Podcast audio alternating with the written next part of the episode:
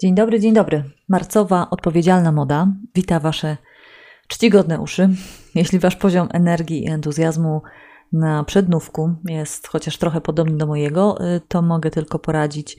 Połóżcie się, zamknijcie oczy, a jak zaśniecie podczas tego odcinka, to naprawdę nic nie szkodzi, bo podcast y, będzie czekał na Was na Spotify, Google Podcast, Anchor, e, na kanale YouTube, gdzie tam jeszcze chcecie. E, nie musimy wcale tak cisnąć jak te przewiśniegi, prawda? No dobra, no to zaczynamy odcinek o tym, co najczęściej nosimy na tyłku, gdy wyskakujemy z dresów lub z piżamy. Dzisiaj na scenę wchodzi jeans. Dlaczego akurat on? No bo jest to kultowy materiał, i tym razem słowo kultowy naprawdę nie jest pustym frazesem albo jakimś nadużyciem. Jeans jest tak bardzo uniwersalny, tak bardzo powszechny, że właściwie spotykamy go dosłownie wszędzie.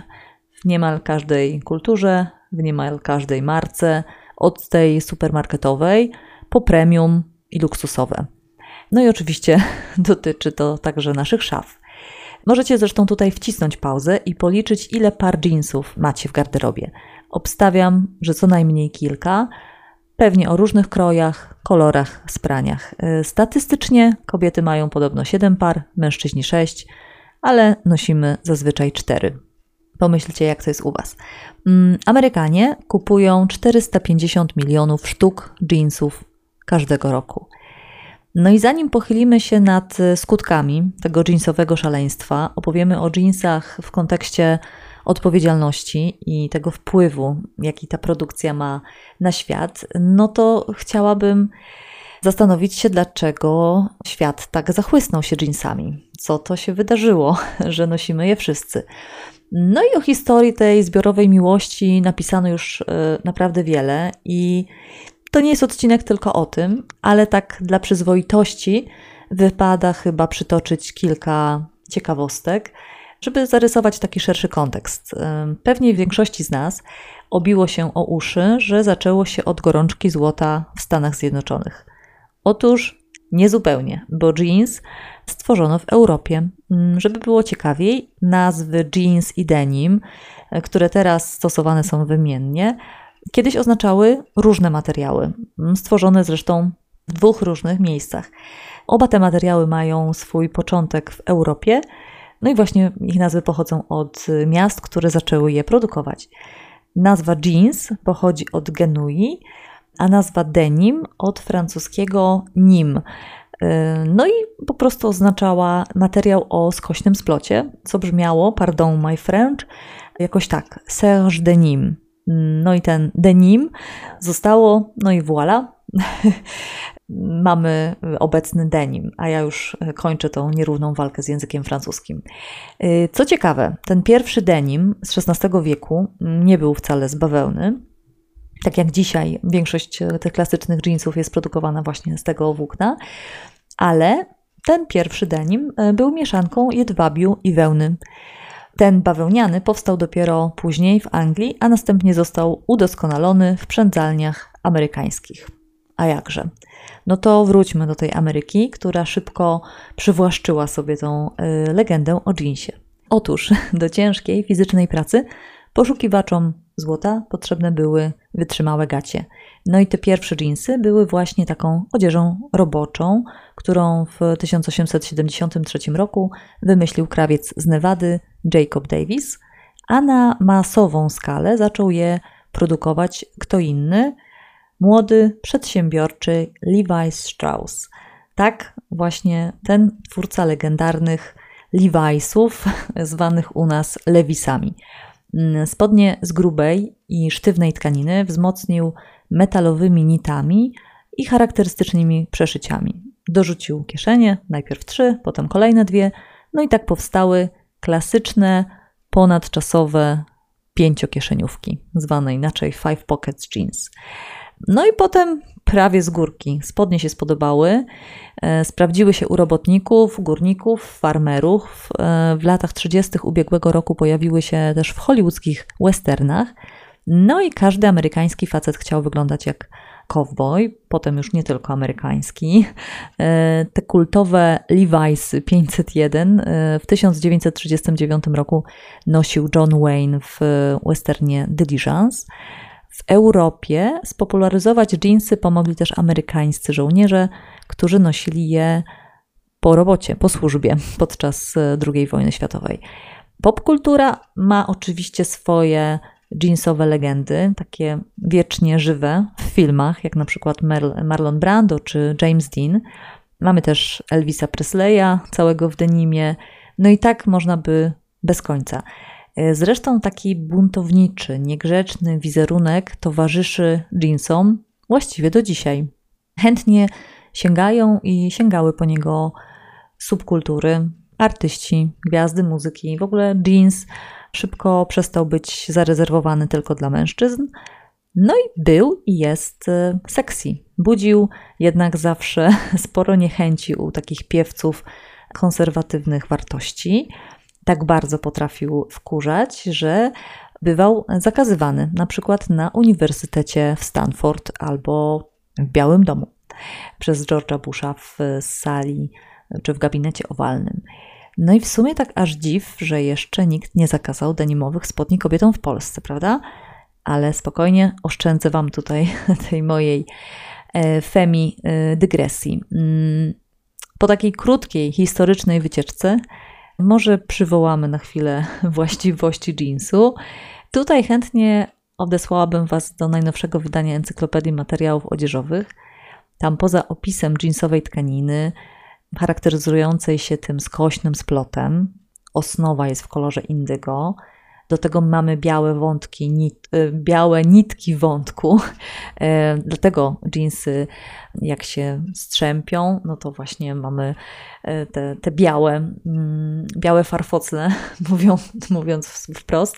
E, zobaczcie, przyjrzyjcie się jeansom z bliska, jeśli nigdy tego nie zrobiliście, nie robiliście.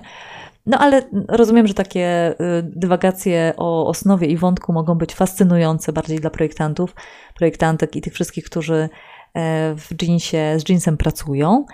Ale w tej encyklopedii możemy też przeczytać e, sporo na temat e, takiego odpowiedzialnego kontekstu, jeśli chodzi o materiały.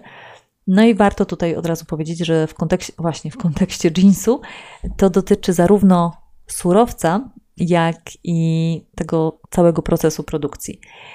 Jeśli chodzi o surowiec, no to e, jeans to przede wszystkim i, i zazwyczaj stuprocentowa bawełna albo bawełna z kilkoma procentami elastycznego spandeksu czy elastanu. Ale równie ważne są procesy tak zwanego uszlachetniania jeansu. No i tutaj chodzi o te wszystkie zabiegi, które w naszym świecie instant zastępują po prostu działanie czasu i takiego zwykłego użytkowania. No i pewnie się domyślacie, że taki poszukiwacz złota miał jedne dżinsy, które pięknie się ścierały, aż się całkiem starły. Mm, no ale towarzyszyła temu po prostu ciężka, wieloletnia robota. A ile musiałby czekać na taki fajny efekt człowiek epoki antropocenu, epoki miękkiej kanapy i Netflixa? No właśnie. A my chcemy mieć nowe jeansy, które od razu będą wyglądały na sprane, trochę stare, no bo to im nadaje takiego bardziej wyluzowanego charakteru.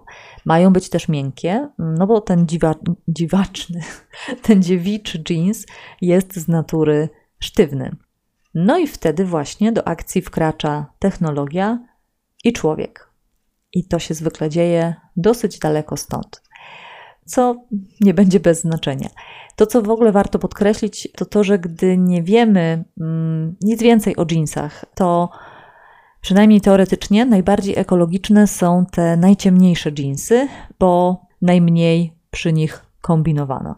A każda akcja, każdy proces wybielania jeansów, podniszczania, jakiegoś dodawania dziur, to jest potencjalne zagrożenie dla przyrody i dla pracujących przy tej produkcji ludzi.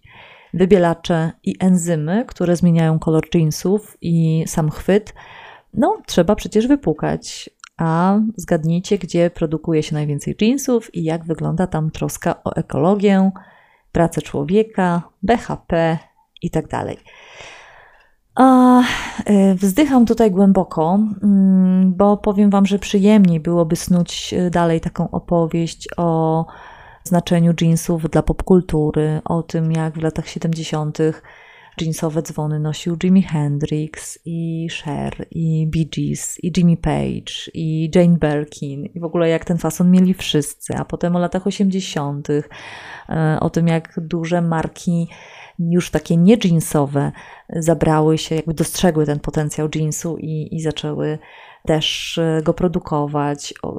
Moglibyśmy sobie tutaj długo rozmawiać o reklamie Kelvina Kleina, w której jeansy reklamowała 15-letnia Brooke Shields, a hasło mówiło, że między mną a moimi Calvinami nie ma nic. No i takie auć, nie? Swoją drogą czasy się jednak trochę zmieniły i myślę, że dzisiaj wokół takiej reklamy byłaby niezła afera, a chciałabym wierzyć, że ona w ogóle nie mogłaby dzisiaj powstać. Nie e, w, w czasach mitu. No dobra, słuchajcie. E, nie, nie, będę brnąć tutaj w tą, w, tą, w tą stronę. Tych smaczków takich właśnie popkulturowo e, historycznych jest naprawdę sporo, ale taki mój wewnętrzny GPS mówi mi, że no czas takiej narracji wokół jeansu już naprawdę minął i najwyższa pora zobaczyć takie drugie dno tej, tej jeansowej legendy. No i to jest taka trochę opowieść o ciemnej stronie denimu, której może nie widać, albo nawet na pewno nie widać w filmach i w reklamach. Ale zanim w ogóle wjadą statystyki, to może przeniesiemy się na chwilę do chińskiej prowincji Guangdong, która jest światową stolicą jeansów. Jest tam też miasto Xintang, mam nadzieję, że niczego nie przekręcam, e, w którym na przykład w 2008 roku wyprodukowano 260 milionów par jeansów. Nomen omen, pamiętajcie, że w ogóle te liczby cały czas rosną. W 2017 było jeansów dużo więcej niż w 13, 15, 8 i tak dalej. Jakby cały czas ta, ta, ta produkcja rośnie.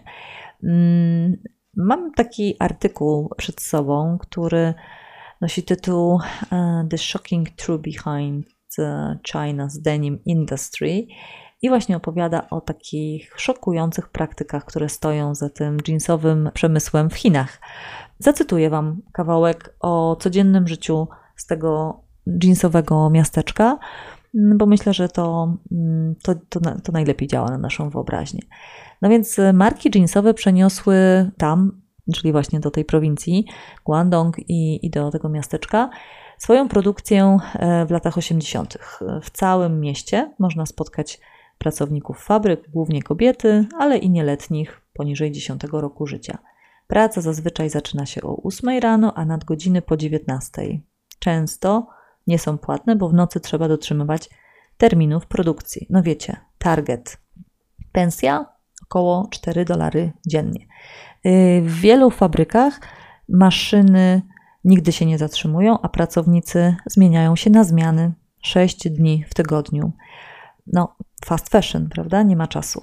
Pomieszczenia są gorące, wilgotne i drażniące od zapachu chemii i kurzu.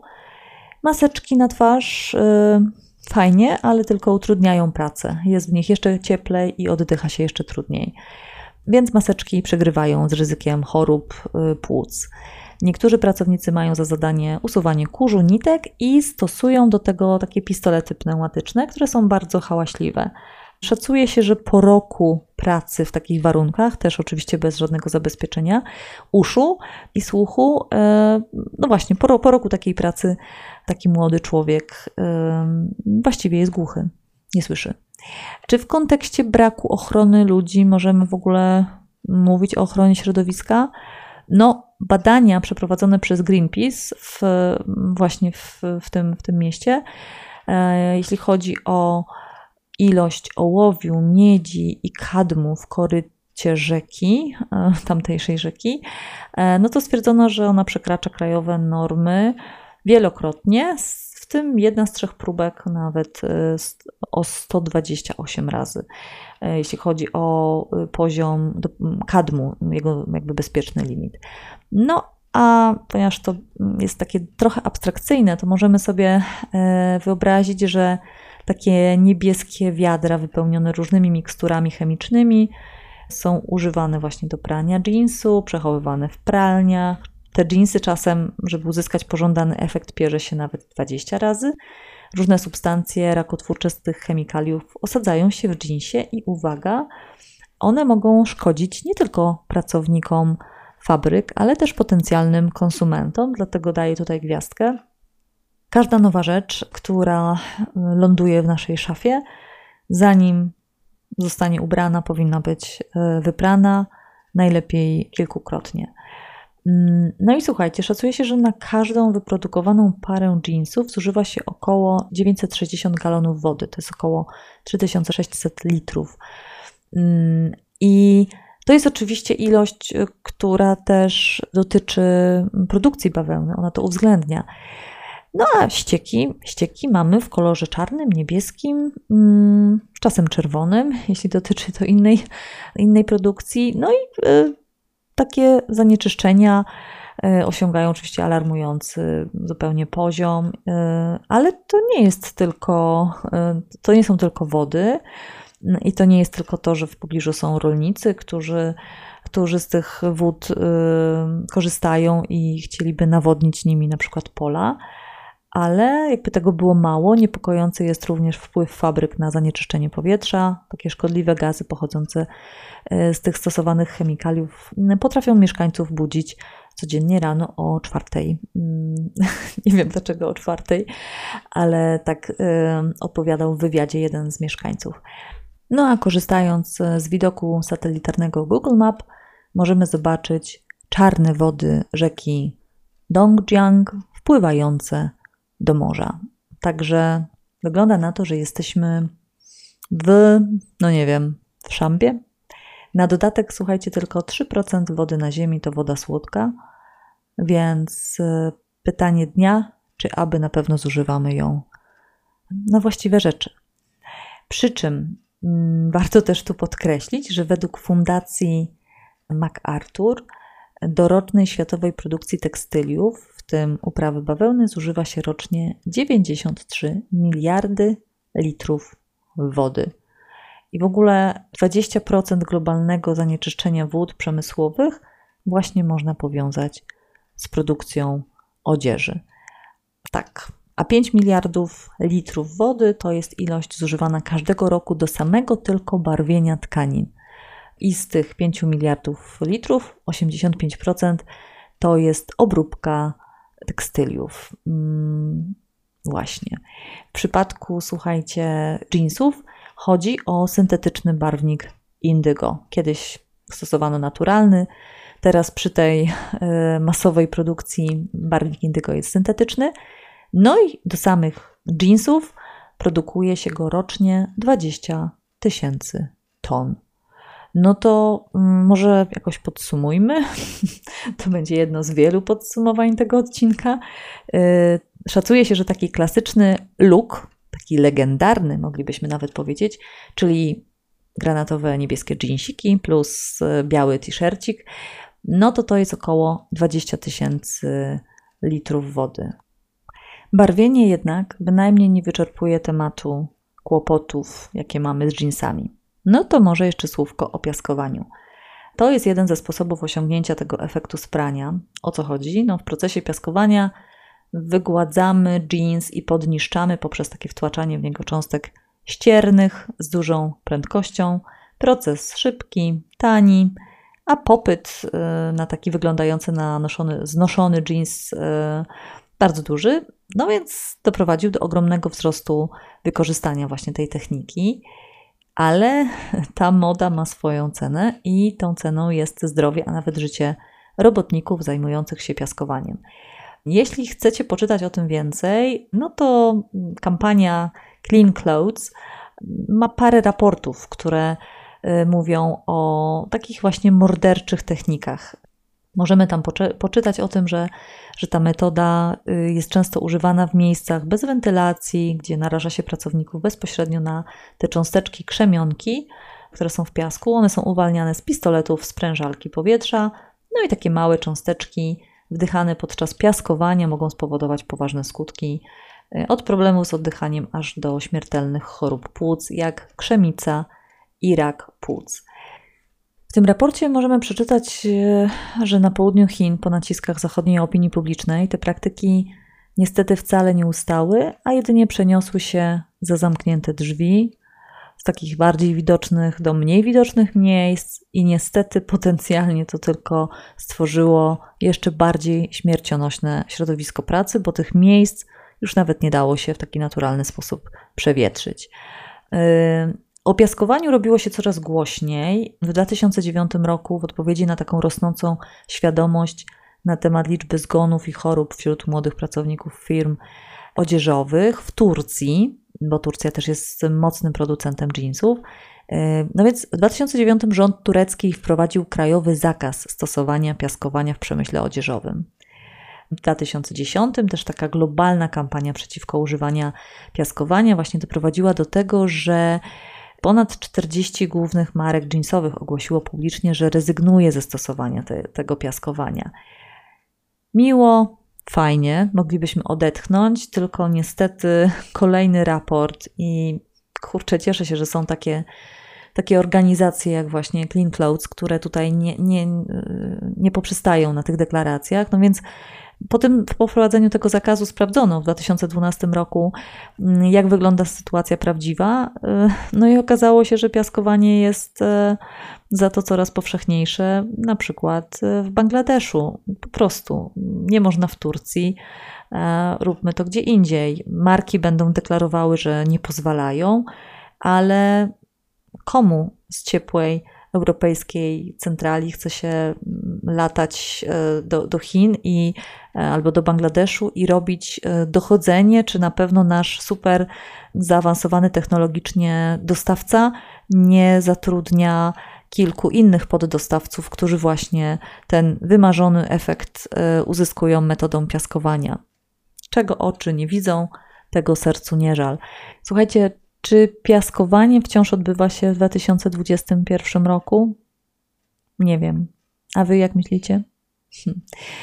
Y, no na pewno wraz z zakazem piaskowania w Turcji i wraz z tą presją na marki, by zrezygnowały z tej metody wykańczania denimu, nie przeminęła moda na postarzane dżinsy. Czym więc zastąpiono piaskowanie, przynajmniej w Turcji? Ano wybielaniem nadbanganianem potasu. No i tutaj znowu nie do końca jest się z tego cieszyć. Ciekawostka, dla konsumenta dżinsy bielone nad manganianem potasu mogą być nawet bardziej szkodliwe niż te piaskowane, bo te pozostałości chemiczne na powierzchni dżinsu, nawet po jego praniu, mogą powodować różne podrażnienia skóry, reakcje alergiczne, Tutaj mamy znowu kolejne raporty Europejskiej Agencji Chemicznej, która w ogóle zmieniła klasyfikację nadmanganianu potasu i wpisała go do kategorii niebezpieczne środki chemiczne. W tym raporcie wskazano, że takie mm, długie przebywanie w kontakcie z nadmanganianem potasu może powodować brak popędu seksualnego, impotencję, osłabienie płodności. Jak sobie pomyślimy o tym, że potrafimy także w Europie ubrać dżinsy rano, a potem pójść w tych e, obcisłych e, rurkach na, nie wiem, 15 godzin do pracy i gdzieś tam w świat, no to może możemy to jakoś powiązać właśnie z problemami z płodnością. Nie wiem, dywaguję. Na pewno warto uważać na siebie, bo według raportu Clean Clothes Campaign z 2019 roku dotyczącego tego tureckiego rynku. Y, nadmanganian potasu jest obecnie używany w 90% tych procesów y, w celu nadania jeansom tego postarzanego koloru i wyglądu. No i powiem Wam, że najsmutniejsze jest to, y, że o Turcji moglibyśmy w kontekście jeansów myśleć, że tutaj już spoko, bo to przecież nie te dalekie Chiny i Bangladesz. Tymczasem znowu ten raport Clean Clothes Campaign, o y, tej, tego tureckiego oddziału tej, tej kampanii, nie pozostawia w ogóle złudzeń. I tam jest mowa o 12-godzinnym dniu pracy, 6 dni w tygodniu, o niepłatnych nadgodzinach, chyba że jest ich więcej niż 72 godziny. Mówi o tragicznych pensjach, y, o wykorzystywaniu nielegalnych imigrantów, o zerowym właśnie zabezpieczeniu mm, podczas pracy. Tak, czy macie już dosyć? Bo powiem Wam, że ja trochę tak, widzę ile gadam, ale mm, chciałabym, mm, żebyśmy skończyli jakoś bardziej optymistycznie. No bo oczywiście, jak wpiszemy w Google hasło sustainable denim, tak, zrównoważony jeans, to okazuje się, że można robić jeans tak, żeby przynajmniej minimalizować jego negatywny wpływ na świat. Jedna z bardziej znanych marek to Nudie Jeans. Y, muszą robić jeans dobrze, bo w 2010 sprzedali okrągły milion par. Na ich stronie możemy przeczytać, że ich ambicją jest, by być najbardziej zrównoważoną marką jeansową. No i rozliczają się z tych swoich wyników. Przemyśleli ten biznes tak dokładnie, że zgarniają za to nagrody, na przykład Good Design Award, za cyrkularny model biznesowy, w tym serwis napraw jeansów, też od sprzedaż modeli używanych i w ogóle projekty oparte recyklingowi. No i tutaj słuchajcie, wielka taka, nie wiem, gwiazdka. No, moim zdaniem przy tej nadprodukcji, przy tej gigantycznej konsumpcji, najlepszym sposobem na zrównoważony biznes jest e, biznes modowy i każdy inny w zasadzie, jest dążenie do tego modelu cyrkularnego. To jest model, e, taki model biznesu, w którym my nigdy nie dopuszczamy do tego albo minimalizujemy ten moment, w którym coś e, staje się mm, szybko odpadem, tak? Czyli zamieniamy ten model linearny, w którym jest produkcja, używanie, a potem kosz na śmieci, czy, czy wysypisko śmieci, e, zamieniamy to na taki model e, okrągły, w którym te, to, co jedni uznają za śmieci, dla innych staje się znowu surowcem i, mm, no i wraca do tego obiegu modowego. Co jeszcze można robić, żeby być e, ekologicznym, zrównoważonym producentem jeansu? No, idąc znowu tym tropem Nudie Jeans, oni na przykład pracują wyłącznie z bawełną organiczną. Słuchaliście być może podcastu o bawełnie organicznej, więc wiecie, dlaczego jest dużo lepsza niż ta standardowa.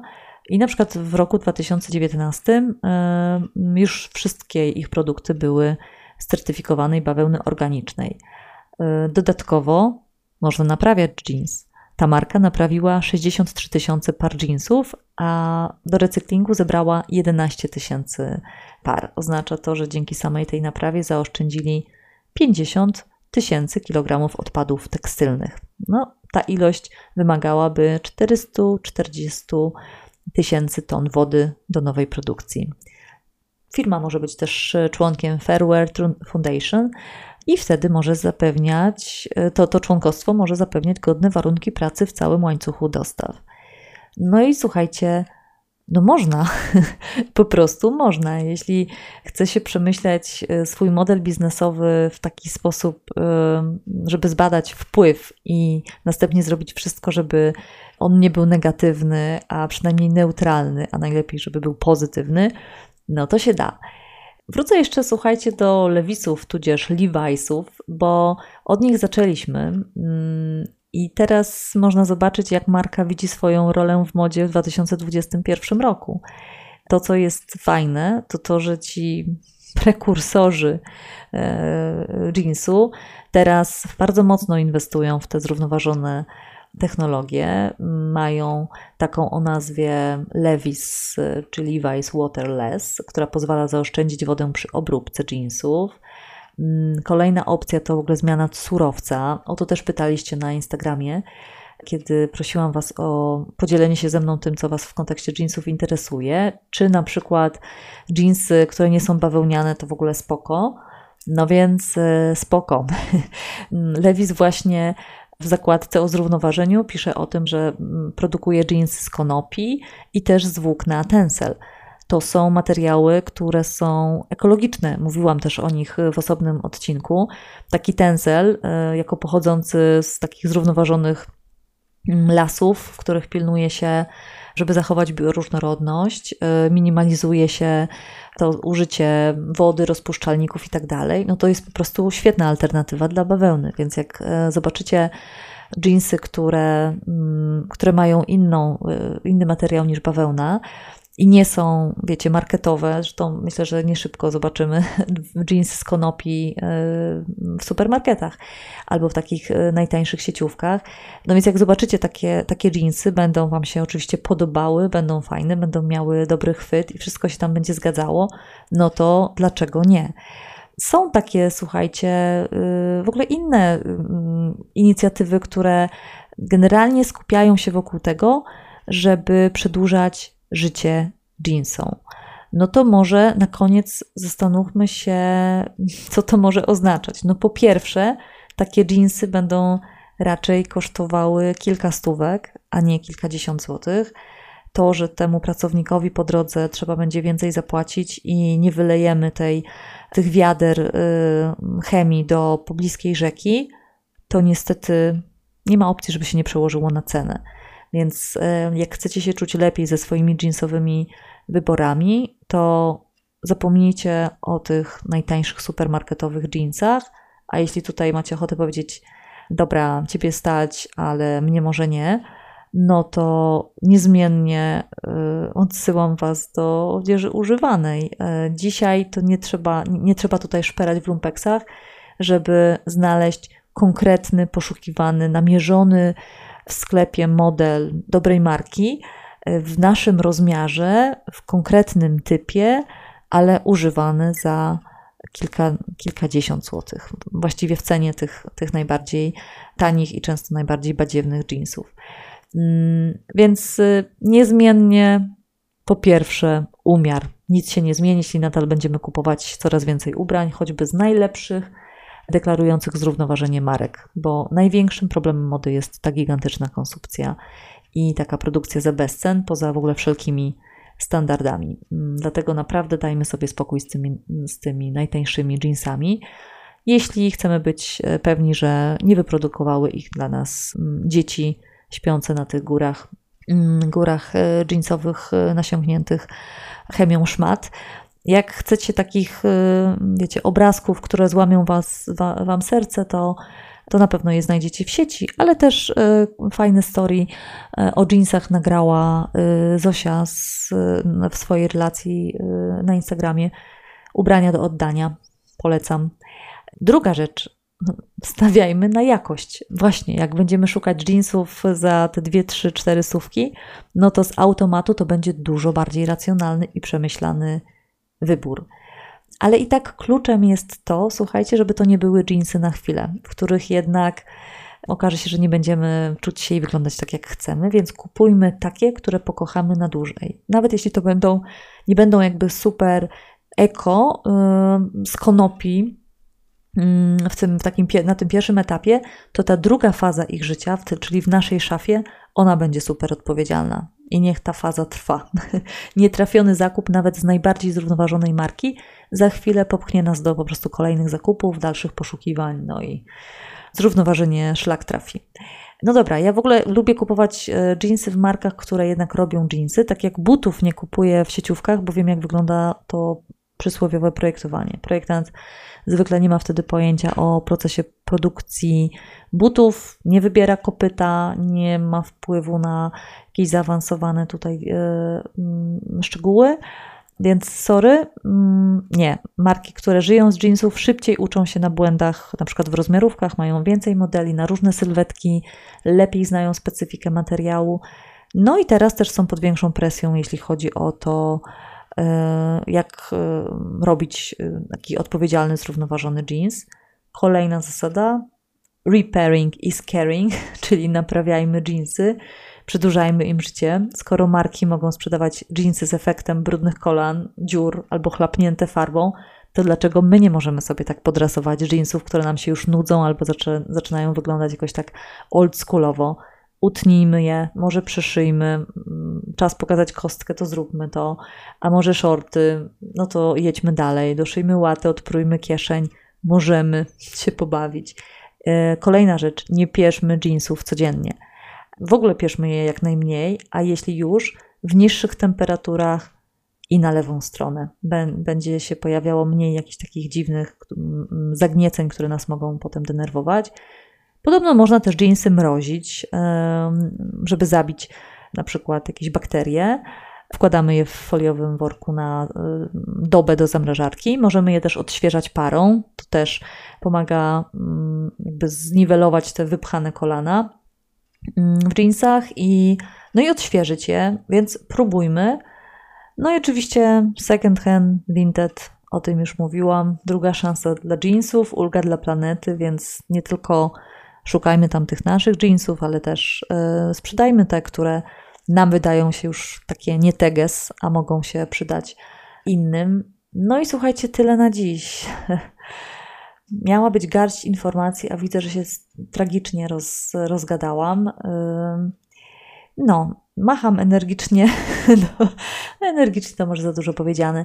Macham wieczorową porą do wszystkich tych, którzy i które są już ze mną jakiś czas, czasem od początku. Witam nowe osoby, które dołączają. W ogóle cieszę się, bo no bo ciach 2021 rok, e, marzec i rok temu wystartowałam z podcastem, więc miło, że, mm, że chcecie tego słuchać, a mnie się miło do Was mówi.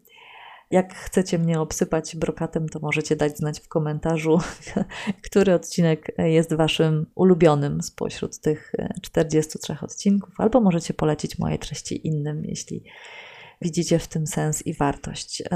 A teraz już naprawdę nie przedłużam. Idę spać, a wytrzymajcie się ciepło. E, do zobaczenia, do usłyszenia. Pa, pa.